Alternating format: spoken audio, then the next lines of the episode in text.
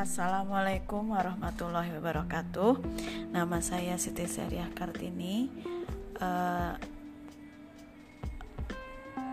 ingin mengumpulkan tugas uh, diklat 7 aksi. Uh, ini mau mencoba-coba membuat atau merekam tentang dongeng sebelum tidur. Judulnya Kancil dan Buaya.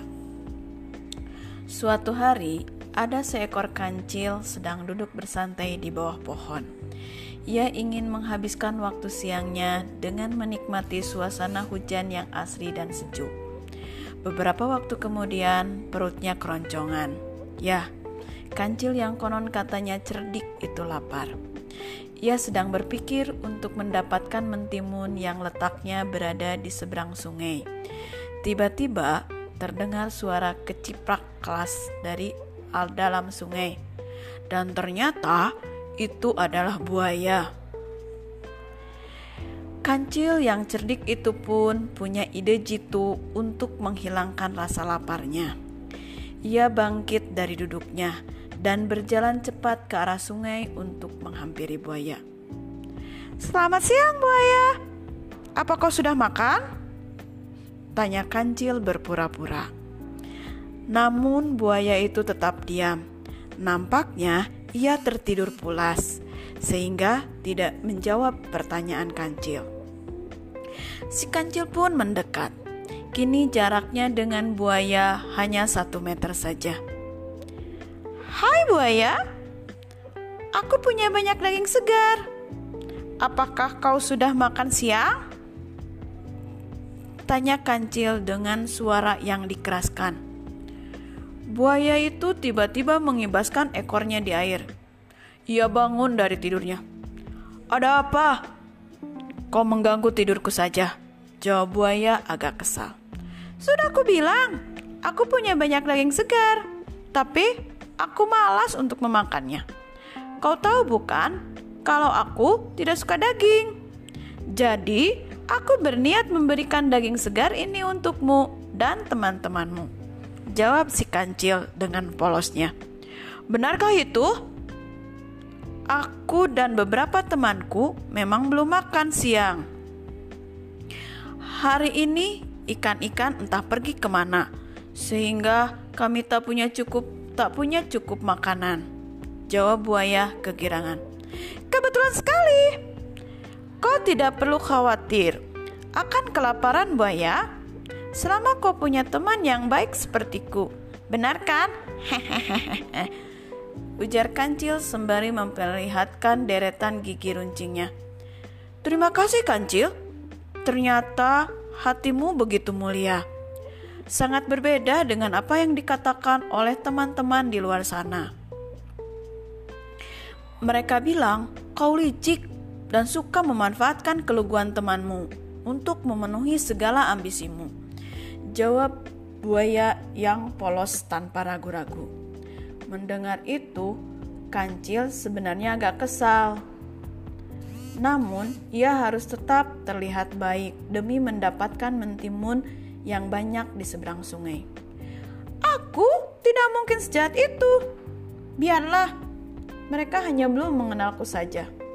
Sebab selama ini sikapku terlalu cuek dan tidak peduli dengan omong kosong seperti itu.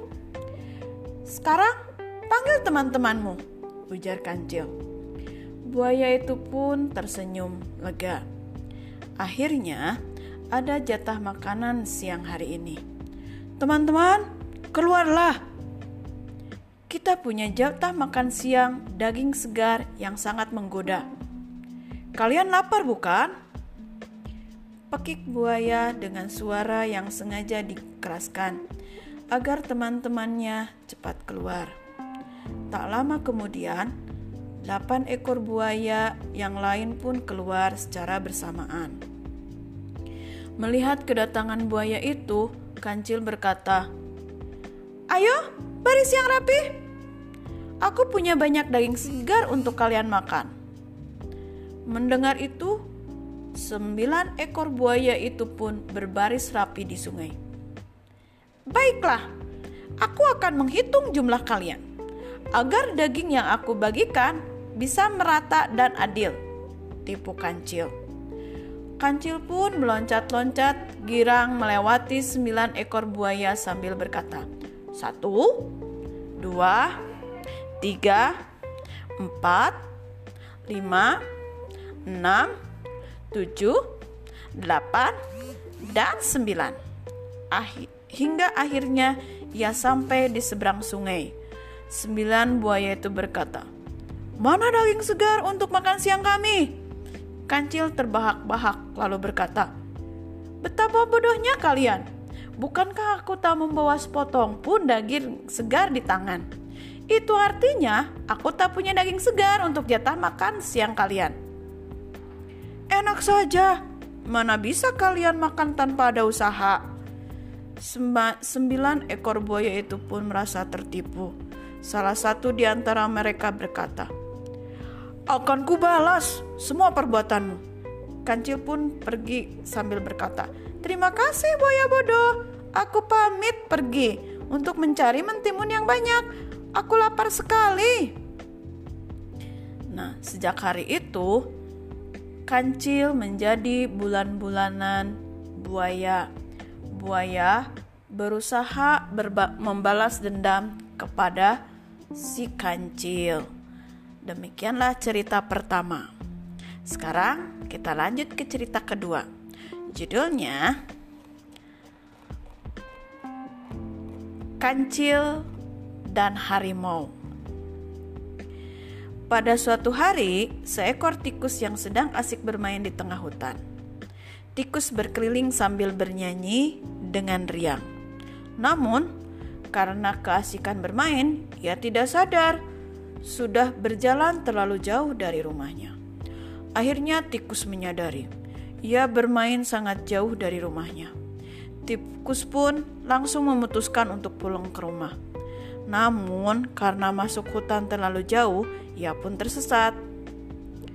Ketika tikus mencari jalan pulang, bukannya ia menemukan jalan, malah kesasar ke sarang harimau yang sedang tidur. Tikus sangat ketakutan melihat harimau yang tertidur lelap. Ia langsung memutuskan untuk mencari jalan keluar. Namun, karena takut pada dan panik, ia malah lari naik ke atas hidung si harimau. Harimau pun terbangun dan sangat marah karena waktu istirahatnya diganggu. Karena sangat marah, harimau itu menangkap tikus malang tersebut dan mencengkram dengan kukunya yang tajam. Pada saat bersamaan, Kacil sedang asik minum di sebuah sungai yang letaknya tidak jauh dari tempat si tikus. Kancil mendengar suara teriakan ketakutan. Ia langsung mencari di mana suara itu. Ia sangat terkejut melihat seekor tikus yang siap akan dimangsa seekor harimau yang sangat besar. Kancil pun merasa sangat takut melihat harimau yang seba yang sangat besar itu. Namun, hatinya ingin sekali membantu si tikus. Akhirnya, Kancil pun memberanikan diri mendekati mereka. Kancil menghampiri tikus dan harimau. Tikus sangat senang melihat Kancil datang. Ia sangat berharap Kancil dapat menolongnya. Kancil datang dengan gaya yang sangat bijak. Namun, ia pura-pura tidak tahu apa yang sedang terjadi.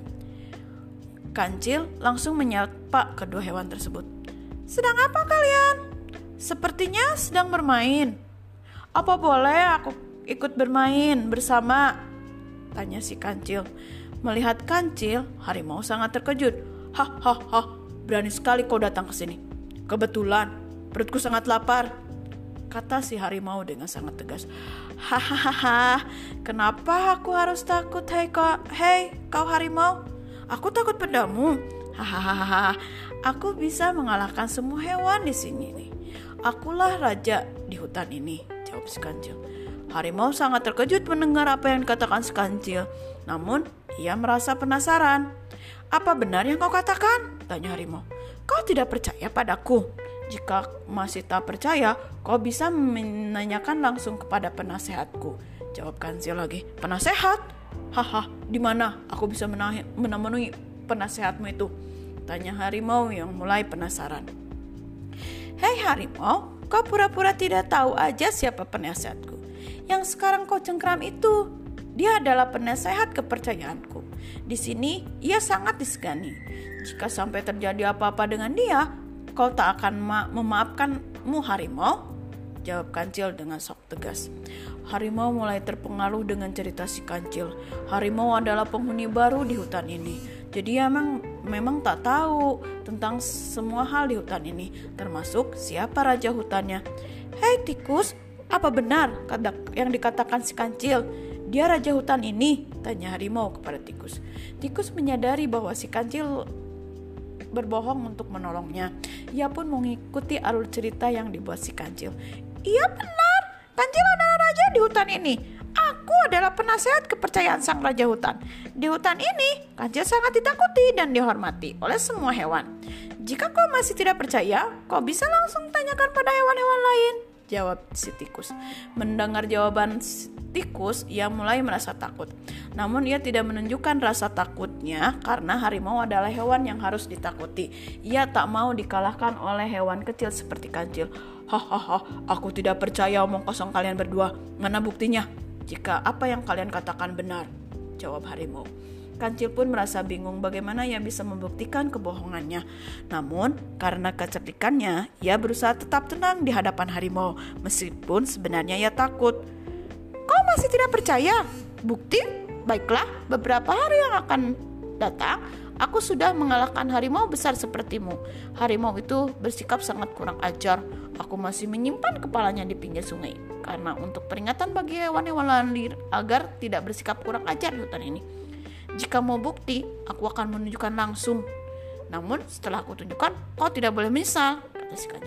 Harimau merasa ketakutan, namun ia memaksakan diri untuk tidak menunjukkan rasa takutnya. Baiklah, di mana aku akan kau akan menunjukkan harimau malang itu. Namun, jika kau kuku, kalian berdua akan menjadi makan siangku, kata harimau. Mendengar geretakan si harimau, tikus sangat ketakutan. Namun ia percaya akan kecerdikan si kancil. Si kancil pun mengedipkan matanya pada tikus. Kancil langsung membawa harimau ke tepi sungai di dalam hutan. Mereka menuju sumur di pinggir sungai. Sumur itu sangat gelap dan dalam, namun karena pantulan cahaya matahari membuat yang airnya yang bening berkilau seperti cermin. Kita kita sudah sampai di sumur yang aku maksud. Sekarang kau bisa membuktikan sendiri. Kau lihat sendiri pada sumur tersebut, kata si kancil. Harimau merasa sangat penasaran, namun hatinya sangat takut. Ia pun memberanikan diri untuk melihat ke dalam sumur. Karena ketakutan, ia hanya mengintip saja. Tapi ia sangat terkejut ketika membuka mata dan melihat kepala harimau itu benar-benar ada. Ternyata apa yang dikatakan kancil benar. Ia memang benar-benar si raja hutan. Karena ketakutan, ia pun melarikan diri. Ia langsung berlari dengan cepat karena takut dimakan oleh kancil. Melihat harimau berlari begitu cepat, kancil dan tikus tertawa dengan puas. Mereka berhasil mengelabui harimau yang sombong itu. Sebenarnya, di dalam sumur itu tidak ada siapa pun selain air yang sangat bening seperti kaca. Karena kebodohan harimau itu, ia tidak menyadari bahwa kepala harimau yang ada di sumur tersebut adalah bayangannya sendiri. Lagi-lagi, kancil berhasil menipu untuk menyelamatkan si tikus temannya. Demikianlah cerita kita hari ini. Cerita tadi, dua cerita tadi menunjukkan bagaimana cerdiknya si kancil.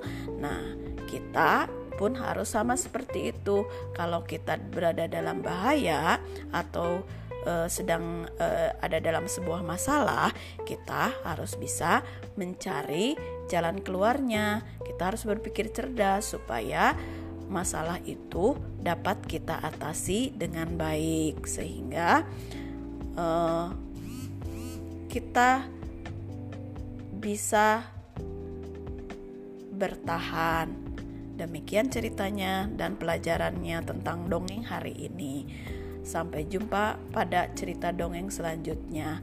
Wassalamualaikum warahmatullahi wabarakatuh. Dadah.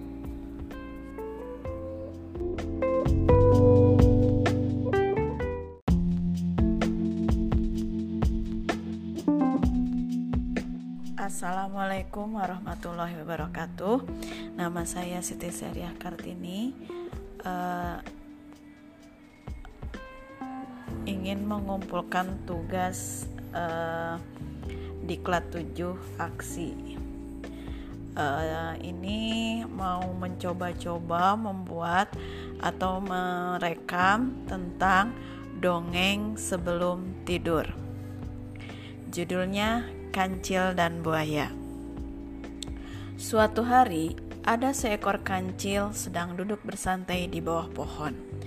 Ia ingin menghabiskan waktu siangnya dengan menikmati suasana hujan yang asri dan sejuk. Beberapa waktu kemudian, perutnya keroncongan. Ya, kancil yang konon katanya cerdik itu lapar.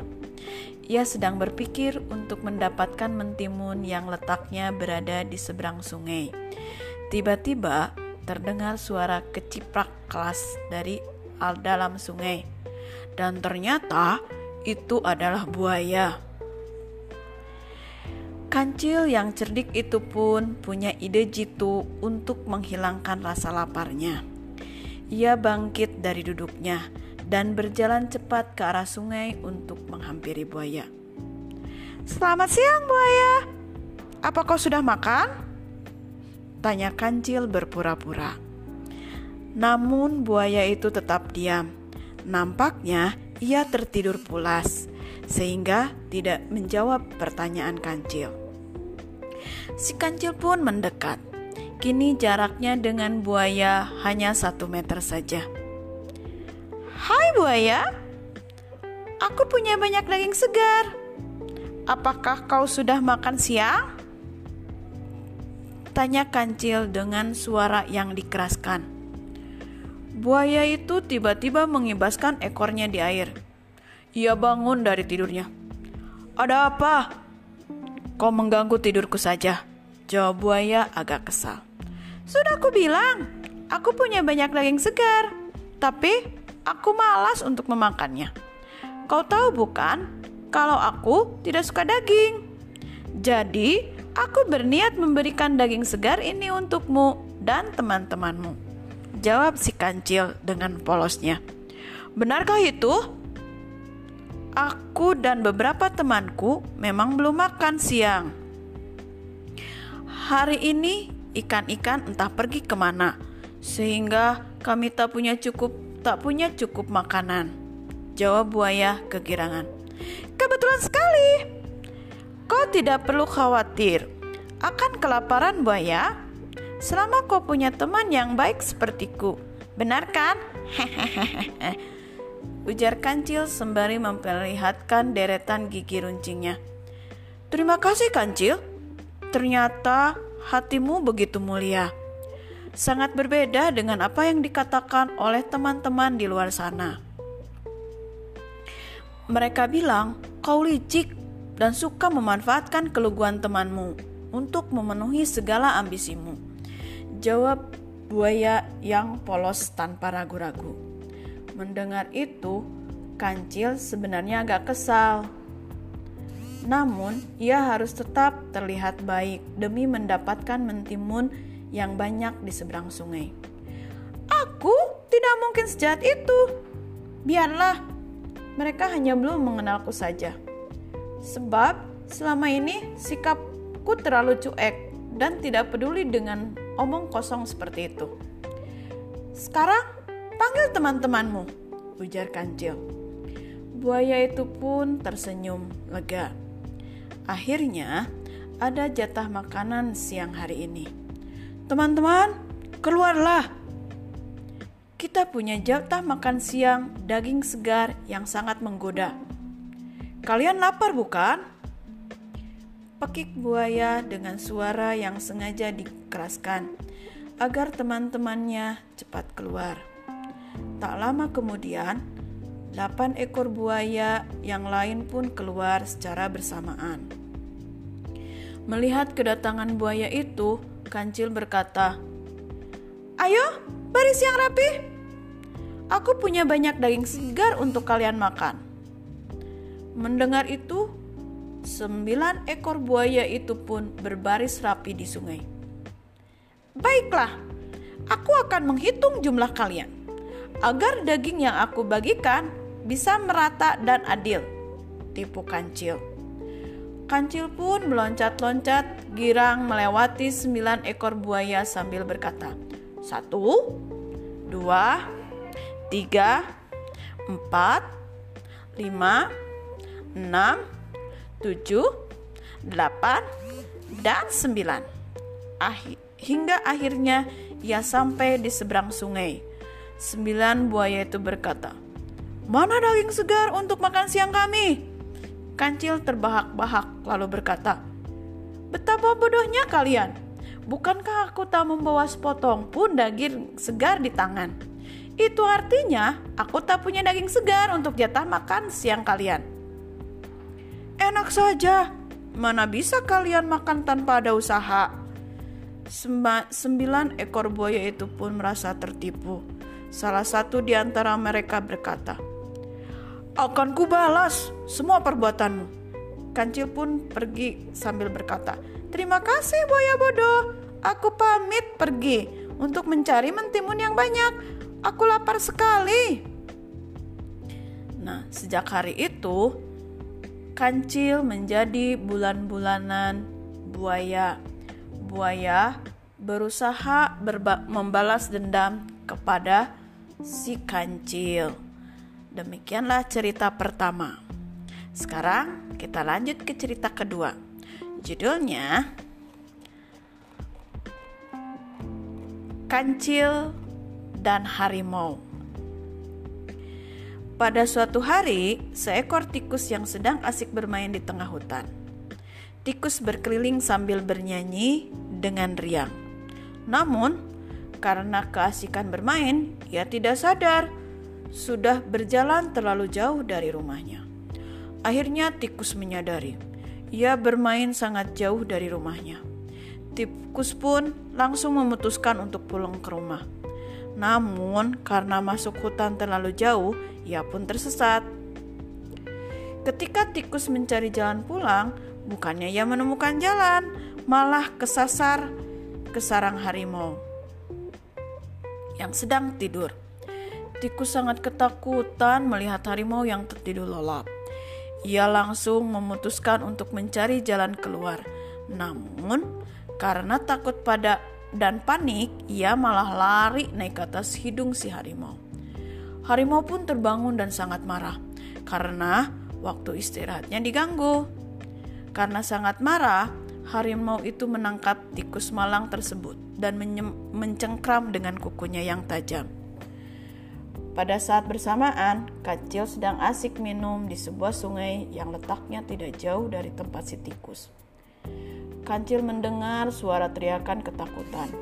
Ia langsung mencari di mana suara itu. Ia sangat terkejut melihat seekor tikus yang siap akan dimangsa seekor harimau yang sangat besar. Kancil pun merasa sangat takut melihat harimau yang seba yang sangat besar itu. Namun, hatinya ingin sekali membantu si tikus. Akhirnya, Kancil pun memberanikan diri mendekati mereka. Kancil menghampiri tikus dan harimau. Tikus sangat senang melihat Kancil datang. Ia sangat berharap Kancil dapat menolongnya. Kancil datang dengan gaya yang sangat bijak. Namun, ia pura-pura tidak tahu apa yang sedang terjadi. Kancil langsung menyapa kedua hewan tersebut. Sedang apa kalian? Sepertinya sedang bermain. Apa boleh aku ikut bermain bersama? Tanya si kancil. Melihat kancil, harimau sangat terkejut. Hahaha, berani sekali kau datang ke sini. Kebetulan, perutku sangat lapar. Kata si harimau dengan sangat tegas. Hahaha, kenapa aku harus takut? Hei kau, hei kau harimau, Aku takut padamu. Hahaha. Aku bisa mengalahkan semua hewan di sini nih. Akulah raja di hutan ini, jawab si kancil. Harimau sangat terkejut mendengar apa yang dikatakan si kancil. Namun, ia merasa penasaran. Apa benar yang kau katakan? Tanya harimau. Kau tidak percaya padaku?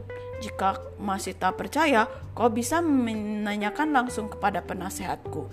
Jawab kancil lagi. Penasehat? Haha, di mana aku bisa memenuhi penasehatmu itu? Tanya harimau yang mulai penasaran. Hei harimau, kau pura-pura tidak tahu aja siapa penasehatku. Yang sekarang kau cengkram itu, dia adalah penasehat kepercayaanku. Di sini ia sangat disegani. Jika sampai terjadi apa-apa dengan dia, kau tak akan ma memaafkanmu harimau? Jawab kancil dengan sok tegas. Harimau mulai terpengaruh dengan cerita si kancil. Harimau adalah penghuni baru di hutan ini. Jadi emang memang tak tahu tentang semua hal di hutan ini, termasuk siapa raja hutannya. Hei tikus, apa benar yang dikatakan si kancil? Dia raja hutan ini, tanya harimau kepada tikus. Tikus menyadari bahwa si kancil berbohong untuk menolongnya. Ia pun mengikuti alur cerita yang dibuat si kancil.